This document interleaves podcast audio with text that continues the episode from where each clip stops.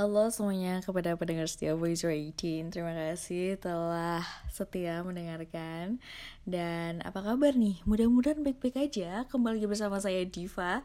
Dan sebelum saya mulai ceritanya Saya akan memberikan pantun nih Untuk kalian ya. Naik kereta ke Bukit Tinggi. Jangan menanjak berhati-hati. Jauh di mata, dekat di hati Itulah tanda sahabat sejati. Oke, selamat malam semuanya. Dan malam hari ini akan saya bawakan cerita horor lagi yang berjudul Supir Ambulans yang saya ambil dari Bri Story dari Instagramnya. Dan kalian bisa klik linknya di bawah ini untuk kalian yang ingin tahu YouTube channelnya Bri Story dan juga uh, akun Twitter dan Instagramnya. Semuanya link ada di bawah deskripsi. Ada di deskripsi oke okay, sorry. Dan saya akan membacakan ceritanya. Dan ini berdasarkan sudut pandang dari supir ambulansnya.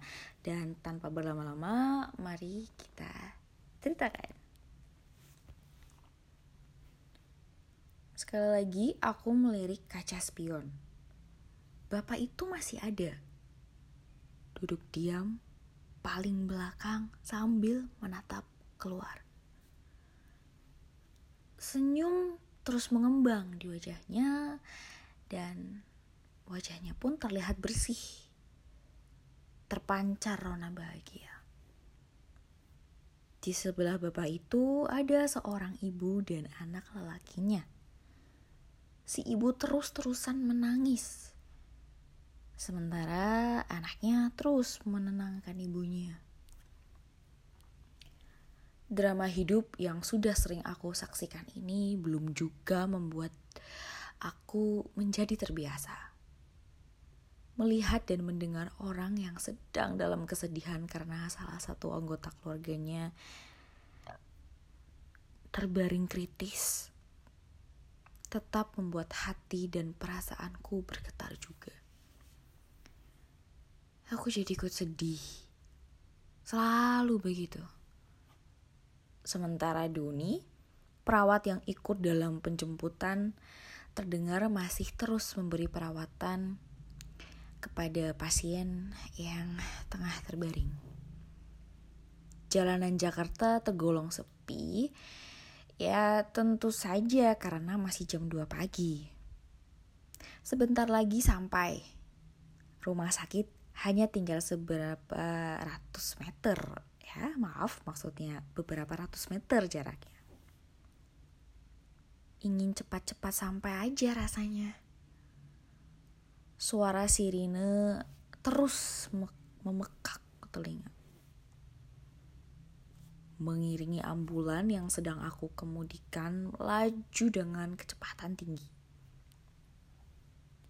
Perempuan muda usia 20-an tahun, parasnya cantik, rambut panjangnya tergerai sampai bahu. Dia duduk depan dan di sebelahku. Sejak dari rumahnya tadi, tempat aku menjemput. Ya, jadi udah duduk samping aku sejak tadi. Dia sepertinya adalah adik dari laki-laki yang duduk di belakang.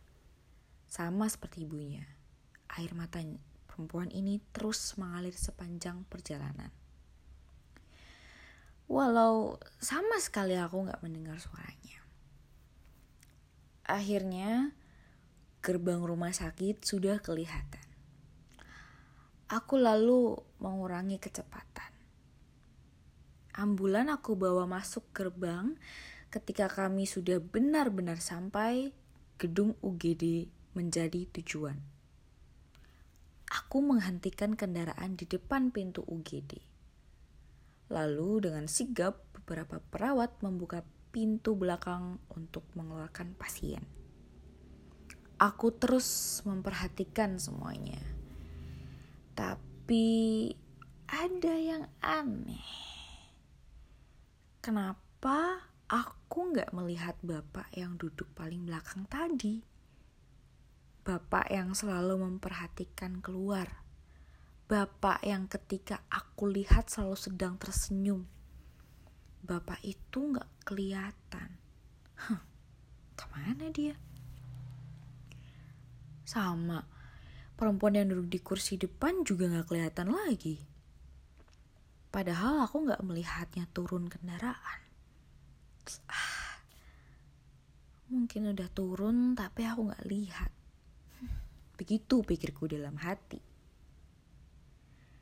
Ya sudah, nggak berpikir lebih jauh lagi.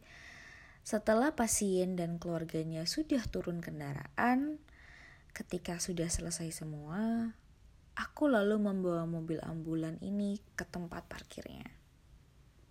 Di sebelah UGD dan di saat-saat seperti inilah waktunya buat aku untuk beristirahat. Setelah cukup lelah berkendara dengan kecepatan tinggi.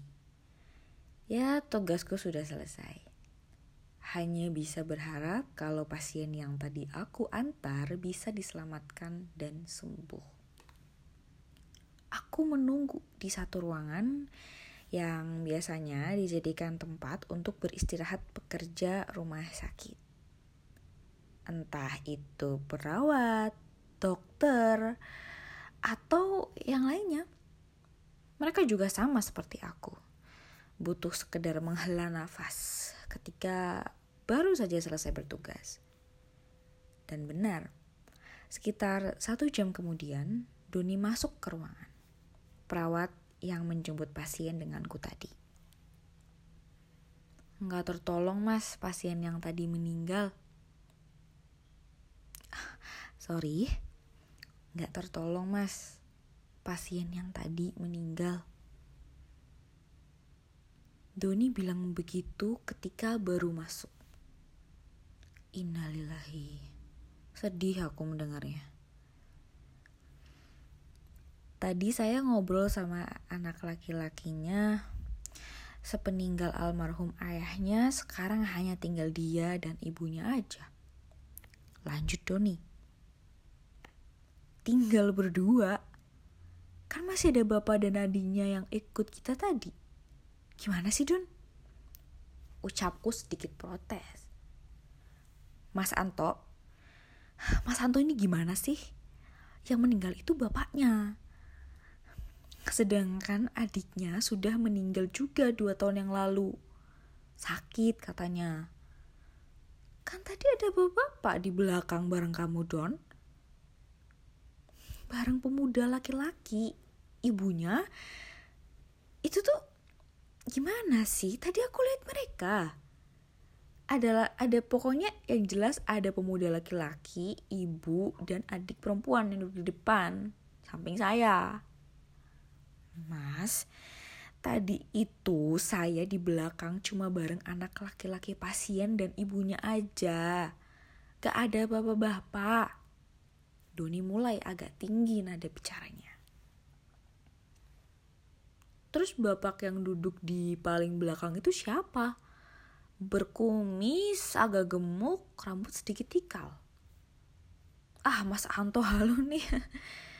Yang digambarin itu kok mirip dengan pasien yang meninggal tadi? Beneran mas, saya tadi cuma bertiga di belakang mendampingi pasien. Terus yang duduk di depan sebelah saya siapa? Perempuan muda cantik. Tanyaku lagi. Sepanjang jalan tadi nggak ada orang yang duduk di depan. Mas Anto duduk sendirian. Kami semua di belakang. Gak ada yang duduk di depan selain Mas Anto. Begitu Doni bilang, dan dia sama sekali gak bercanda.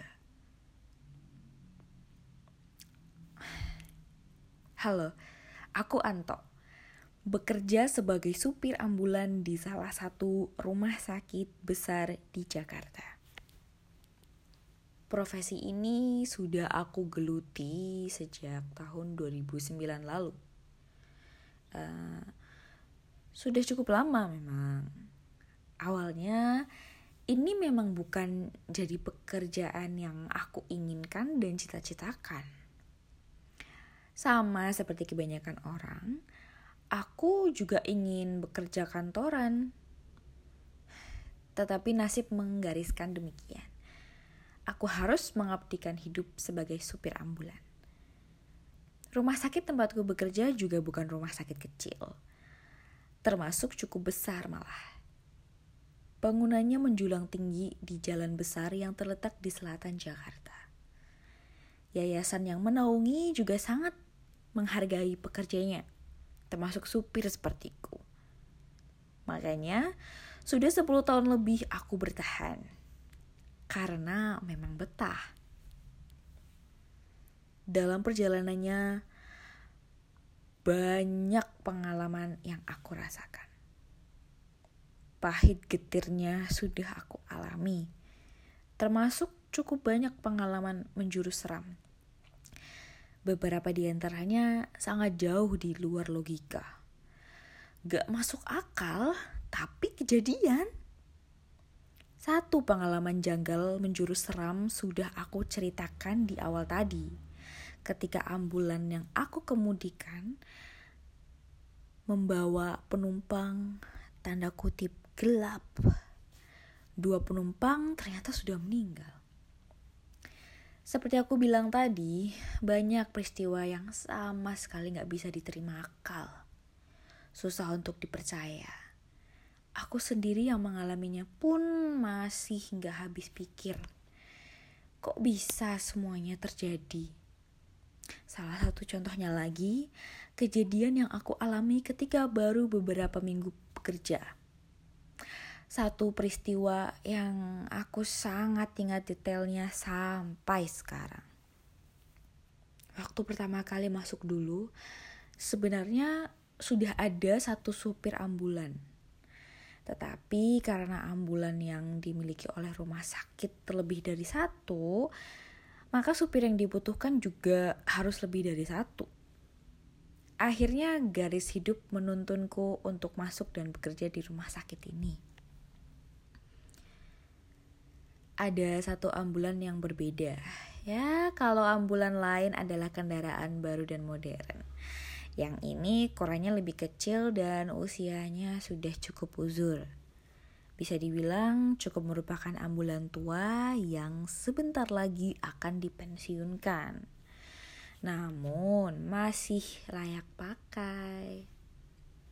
Bisa ditebak. Akhirnya akulah yang ditugaskan untuk mengemudikan ambulan tua ini. Kisah yang akan aku ceritakan adalah kejadian seram yang aku alami ketika mengendarainya ambulan yang pasti sudah banyak cerita di belakangnya. Saksi bisu, banyak kisah sedih dan seram. Pertengahan 2009, beberapa minggu aku baru mulai bekerja. Semuanya berawal ketika aku ditugaskan untuk mengantar pasien menuju rumahnya di daerah Purwakarta, Jawa Barat. Entah apa alasannya waktu itu nggak banyak tanya, aku langsung menjalankan tugas yang diberikan. Masih lekat dalam ingatan. Waktu itu hari Kamis. Aku harus menuju Purwakarta pada sore menjelang malam. Berbarengan dengan padat kendaraan karena jam pulang kantor. Benar aja, Selepas maghrib, aku terjebak dalam kemacetan jalan tol Jakarta Cikampek. Volume kendaraan sangat tinggi, nggak mampu ditembus walaupun terang-terangan. Yang aku kemudikan adalah ambulan. Ya, kami tetap aja tersendat karena kendaraan lain seperti enggan untuk memberi jalan. Untung saja pasien yang aku antar pulang ini kondisinya nggak kritis, jadinya agak berkurang bebanku berkendara. Singkat cerita, setelah menerobos padatnya jalan Jakarta Cikampek, sekitar jam 9 malam kami sudah keluar tol dan mulai memasuki jalan biasa. Tadinya aku pikir setelah keluar tol nggak akan lama lagi akan sampai tujuan. Tapi salah. ternyata kami masih harus menempuh sekitar satu jam lagi perjalanan ke arah Subang. Cukup jauh. Tapi akhirnya perjalanan sampai di ujung juga dan sekitar jam setengah sebelas kami sampai di rumah pasien. Aku yang ditemani oleh satu orang perawat, namanya Irawan, membantu pasien untuk turun dari ambulan bersama keluarganya. Lega rasanya ketika tugas sudah selesai ditunaikan. Setelah kami diajak untuk makan dan minum terlebih dahulu, jam 11 aku dan Irawan kembali pulang menuju Jakarta. Mas Anto, saya nanti turun di Terminal Purwakarta ya. Sudah dekat ke Bandung, Mas. Saya besok off dua hari. Jadinya mau mudik aja sekalian. Irawan bilang begitu ketika kami baru saja meninggalkan rumah pasien. Dia memang orang Bandung. Orang tuanya tinggal di kota Kembang, makanya memutuskan untuk sesekali ya, sekalian pulang karena sudah sampai di Purwakarta yang lebih dekat ke Bandung. Oh gitu. Oh, ya udah Mas, sekalian mudik ya. Tanggung udah di sini kan. Aku jawab begitu. Begitulah setelah Irawan turun nanti selebihnya aku akan berkendara sendirian menuju Jakarta. Benar adanya. Setelah sampai di lampu merah perempatan Purwakarta, Subang, Bandung, Irawan turun. Kami berpamitan. Setelahnya aku terus melaju, masuk jalan tol menuju Jakarta jalan tol jam 11 tengah malam. Sudah sangat tengang, walau masih cukup banyak kendaraan yang melintas. Ambulan aku pacu dengan kecepatan sedang, melintas situasi jalan yang gak terlalu ramai dan gak ada yang perlu aku kejar. Jadinya kecepatan tinggi gak terlalu diperlukan. Ditambah sadar kalau yang aku kendarai ini adalah kendaraan yang umurnya sudah nggak muda lagi. Daripada nantinya terjadi kerusakan lebih, ya mendingan aku menjalankannya dengan kecepatan normal, biar aman. Benar, awalnya aman, tapi ketika mulai memasuki sepertiga perjalanan, sesuatu pun mulai terjadi. Sesekali aku merasakan kalau mobil seperti kehilangan tenaga. Kemudian pedal gas yang aku injak tidak memberikan efek untuk melaju. Tapi sebentar kemudian mesin kembali normal. Hal ini berlangsung beberapa kali. Aku jadi mulai was-was. Kenapa sih ini mobil? bergumam aku sendirian.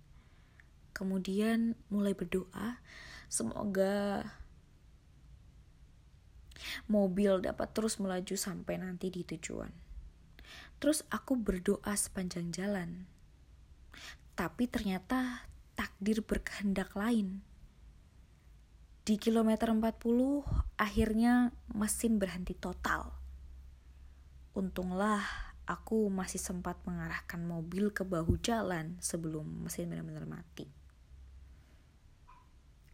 Lewat tengah malam itu, aku terjebak di tengah tol dengan mobil mogok dan untungnya aku masih termasuk orang yang mengerti tentang mesin kendaraan. Jadinya masih percaya diri untuk memeriksa kerusakan kenapa sampai mesinnya mati. Di pinggir jalan itu, aku coba mencari tahu sumber kerusakannya. Tapi aneh, entah sudah berapa kali aku memeriksa dan memperhatikan mesin mobil. Tapi nggak melihat ada kerusakan. Semuanya normal. Sampai akhirnya menyerah di titik ini, aku coba menghubungi Pak Ruslan. Beliau adalah supir seniorku, Dia juga yang sebelumnya mengendarai mobil ini. Halo Pak Ruslan, maaf mengganggu Pak. Saya mau minta tolong. Aku bilang begitu ketika percakapan sudah dimulai. Iya, ada apa, Tok? Pak Ruslan menjawab di ujung telepon. Kemudian aku menceritakan semua yang sedang aku alami. Tapi di tengah percakapan, Pak Ruslan mengeluarkan pertanyaan yang menurutku agak aneh. Ini sampai lagi di mana? Tanya Pak Ruslan dengan logat Jawa kentalnya. Saya lagi di pinggir jalan ton. Pak, emang kenapa? Aku menjawab dengan pertanyaan. Kok saya dengan ada kok saya dengar tuh kayak ada orang yang sedang berdoa ya? Kayak banyak orang gitu. Atau kamu sedang dekat tempat ibadah? Enggak ada, Pak ini saya benar sedang di pinggir jalan tol, gak ada orang berdoa. Seperti itu kira-kira percakapan kami. Oh gitu. Maaf, saya nggak bisa bantu apa-apa. Lebih baik kamu tunggu mobil derek aja kalau memang mobil mogok total. Begitu katanya. Hah? Ada orang berdoa? Kok aneh? Tapi ya sudahlah aku mengabaikan omongan Pak Ruslan itu. Beliau juga nggak bisa membantu, nggak ada jalan lain. Aku akan menghubungi nomor darurat jalan tol. Tapi sebelum menelpon, iseng aku mencoba memutar kunci mobil sekali lagi. Ya, siapa tahu beruntung ya kan? Mencoba menghidupkan mesin dan sambil berdoa, aku melakukannya. Ternyata mesin hidup menyala dengan normal, seperti nggak pernah ada kerusakan sebelumnya. Nggak buang-buang waktu, aku langsung tancap gas. Lega. Aku terus memacu mobil menuju rumah sakit. Aku pacu dengan kecepatan cukup tinggi supaya cepat sampai. Tapi ketika persis sebelum aku masuk ke tol Jor, lingkar luar Jakarta, ponselku berdering.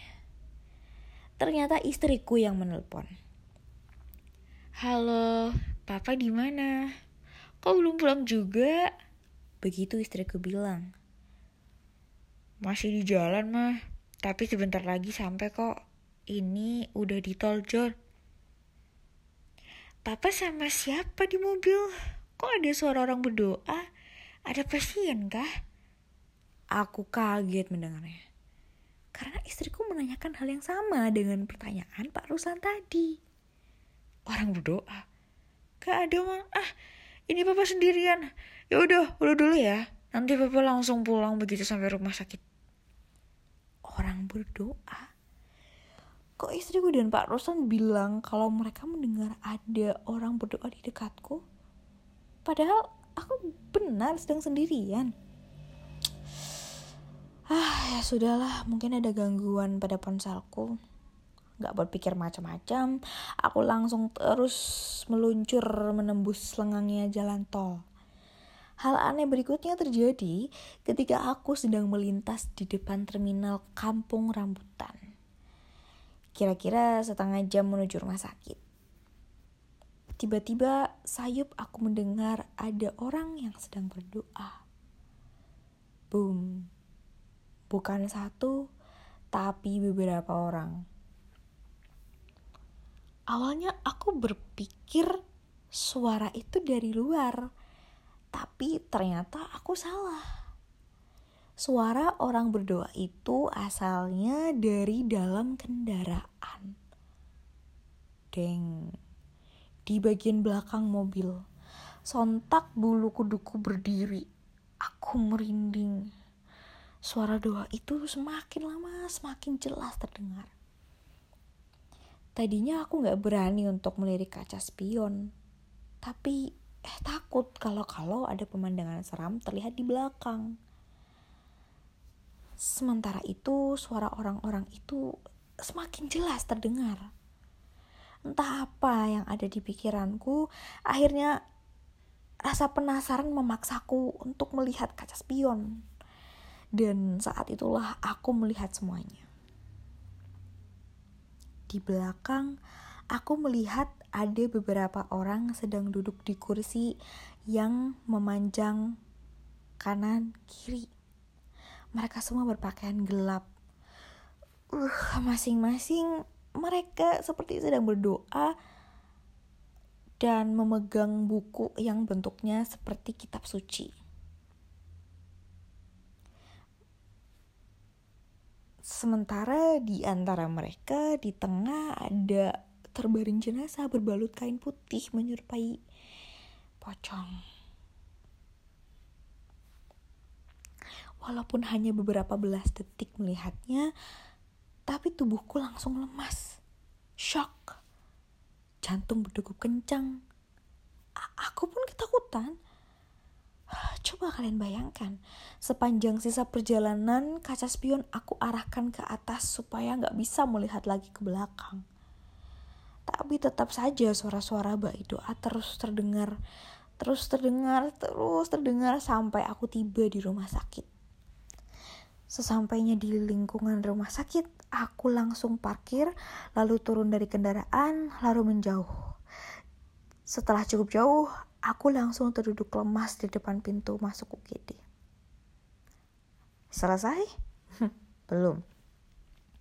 Dari kejauhan, aku tetap bisa melihat ambulan terparkir dalam gelap. Setelah aku perhatikan benar-benar, ternyata ada pemandangan aneh. Eh, aku melihat ada bayangan hitam turun satu persatu dari pintu belakang ambulan. Kemudian mereka menghilang masuk ke salah satu gedung besar di rumah sakit itu. Halo, kembali lagi bersama saya Diva. Jadi bagaimana ceritanya sudah selesai sampai di situ? Cukup serem gak sih? Kayak kalian bayangin deh kalau kalian menjadi supir ambulan, kalian pasti bakal ngerasain hal yang sama seperti yang Pak Anto rasain. Kalian tuh bakal gimana? Apakah kalian bakal tetap diem aja atau kalian tetap tetap melaju dan tetap berdoa juga? Atau ikut doa bareng sama mereka? Uh serem sih. Kalau aku jangan sampai deh kita jangan sampai deh ngalamin yang kayak gitu. Apakah kamu juga punya pengalaman yang serupa seperti Panto? Tulisan komentar kalian di bawah. Cerita mana bagian mana yang paling seru di antara uh, beberapa cerita dari Pak Anto? Ada dua cerita sih sebenarnya jadi tuliskan pendapat kalian di bawah ini dan kalian penasaran gak sih kira-kira apa yang harus aku bawain untuk episode berikutnya. Dan semoga kalian suka sama episode hari ini. Dan semoga menghibur kalian meskipun ini horor Dan jangan lupa untuk like, comment, dan subscribe Dan jangan lupa follow kami di semua akun sosmed kami Yang sudah kami cantumkan di kolom deskripsi Linknya ada di bawah Kalian tinggal klik aja gampang banget sama namanya sama juga Voice 018 dan kalau kalian suka I will appreciate it. Kami sangat menghargai itu. Kalau kalian nggak suka itu nggak apa-apa. Oke? Okay?